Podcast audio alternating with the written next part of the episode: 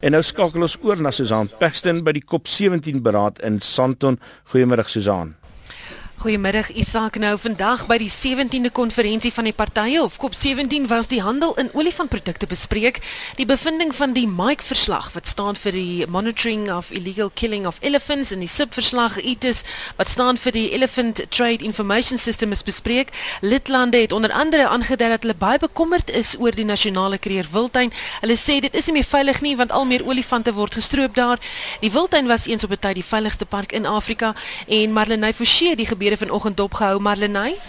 Ja, Susan, die etensverslag monitor onwettige handel in olifantprodukte in lidlande van die nasionale aksieplan vir ivoorhandel onder CITES. Lande word in drie kategorieë geplaas. Eerstens is daar die primêre risikolande en dit is ehm um, daar is onwettige handel 'n ernstige ernstige probleem. Tweedens is daar die sekondêre groep wat beteken onwettige handel is 'n probleem maar nie so ernstig soos die vorige groep nie. En dan is daar laastens 'n groep van lande wat 'n mens moet dophou vir moontlike toekomstige probleme betreffende onwettige handel in olifantprodukte. Nou die etes verslag het gesorg vir 'n baie warm debat tussen die lidlande vanoggend. Mm, Suid-Afrika is op die primêre groep gelys en deel van die, dit deel ons dan nou met lande soos China, Vietnam en Kenia.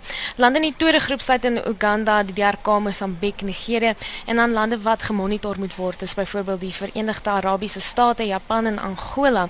Is belangrik om te noem dat hierdie klassifisering nie noodwendig beteken 'n spesifieke land ondersteun onwettige handel nie.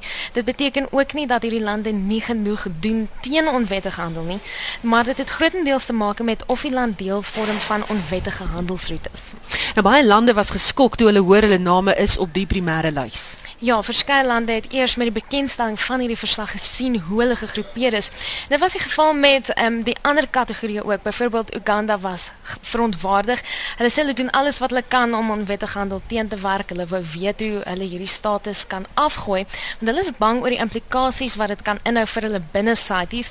Singapore en die Filippyne was ongelukkig dat hulle eers met die verslag se bekendstelling gehoor het ehm um, van hulle ehm um, status en hulle het hierdie navorsing verwerp en selfs die Verenigde Arabiese State het kapsie gemaak. Hulle sê die vraag na ivoor in hulle land het juis afgeneem en onwettige diereprodukte word gekonfiskeer en vernietig. Hoe het die etes navorsingsgroep daarop gereageer? Die verslag het so baie reaksie uitgeloop. Moet ek net eers noem dat die onderwerp op die agenda uitgestel is om verder bespreek te word sodat ander eh, probleme ook aangeraak kan word. Die voorsitter op die paneel het erken dat daar meer gedoen moet word om die lande te betrek by die navorsing veral nou na hierdie reaksie, maar etes het self gesê dat die regerings een van hulle hoofbronne van inligting is. So hulle voel dat die lande wel bewus was van wat gebeur het. Nou die debat gaan voort vandag, maar Lenay, um, wat is ons Twitter hitsmerk as luisteraars wil volg wat hier gebeur? Hitsmerk RSG CITES en hierdie spelling van CITES daar is C I T E S. So jy kan daar kyk wat hier gebeur. Dit was Marlene Forsie wat die debat raak in 'n olifante dophou. Nou Suid-Afrika staan sentraal tot die grootste debat by die Santis konferensie en dit is onder andere die voorhandel as ook in die handel in renosterhoring. Nou by my is die woordvoerder van die departement van omgewingsake Albi Modisi. Albi, we heard what Zimbabwe and Namibia said about their stance on ivory and rhino horn trade. What is South Africa going to put on the table?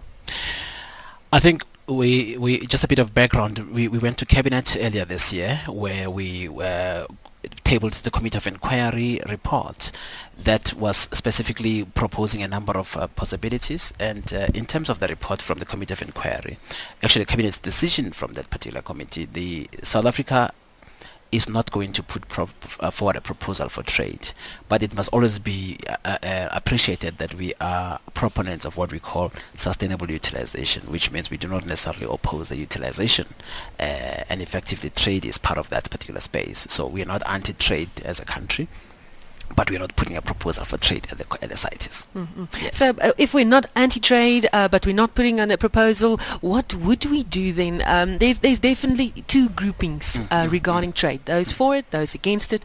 Um, how are we going to sort of find that midway? I think it's going to be an interesting uh, path to, to work with uh, the, those countries. I mean, there, there is a there is a common understanding that um, if, if you're going to deal with uh, with uh, poaching, it's it's got to be dealt with in a separate stream altogether.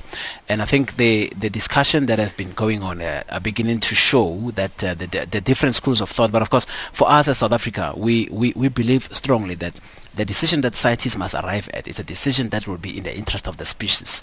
Uh, ours being here, it's a, it's a, it's a, it's a gathering that's aimed specifically at ensuring that uh, we bring back those that are on almost at the brink of extinction and, and uh, bring uh, have an increase in terms of the population uh, growth, but also have an opportunity to ensure that uh, for those that are, have begun to show recovery in terms of population, that they get downlisted so that we, we can they can all be they can all be classified under appendix uh, 2 for example. Hmm. Nou as jy gewonder het uh, waar ons is, as jy 'n bietjie geraas hoor in die agtergrond is, is ons is by die uh, Sandton Konvensie Sentrum en uh, die CITES konferensie vind hier op Blaaskop 17. Ons gesels met die woordvoerder van die departement van omgewingsake Albei Modisi. Uh, just lastly, uh, ivory trade, rhino horn trade, do you expect a warm debate? Uh, there will be. I mean, uh, the report that IUCN released is quite an interesting one in terms of the state of uh, elephant losses in the past 25 years, uh, talking about how in the eastern part of Africa the numbers have been declining, but the picture that is painted about the SAC region is quite a rosy one in terms of the stability of the population in that region, and we be- I think we're beginning to see that uh, our, our, our successful track records are beginning to yield dividends. But of course, it will be quite an interesting one to see how, in terms of the the, the final decision, uh, what, what what the position that will be taken. But I think I need to also emphasize the fact that uh, South Africa is in favor of a policy regime that doesn't threaten existence of the species. So even when we go for trade, we do not think trade is a panacea to the problem. The trade is seen as one of a myriad of interventions aimed at addressing the challenges of poaching, if any at all.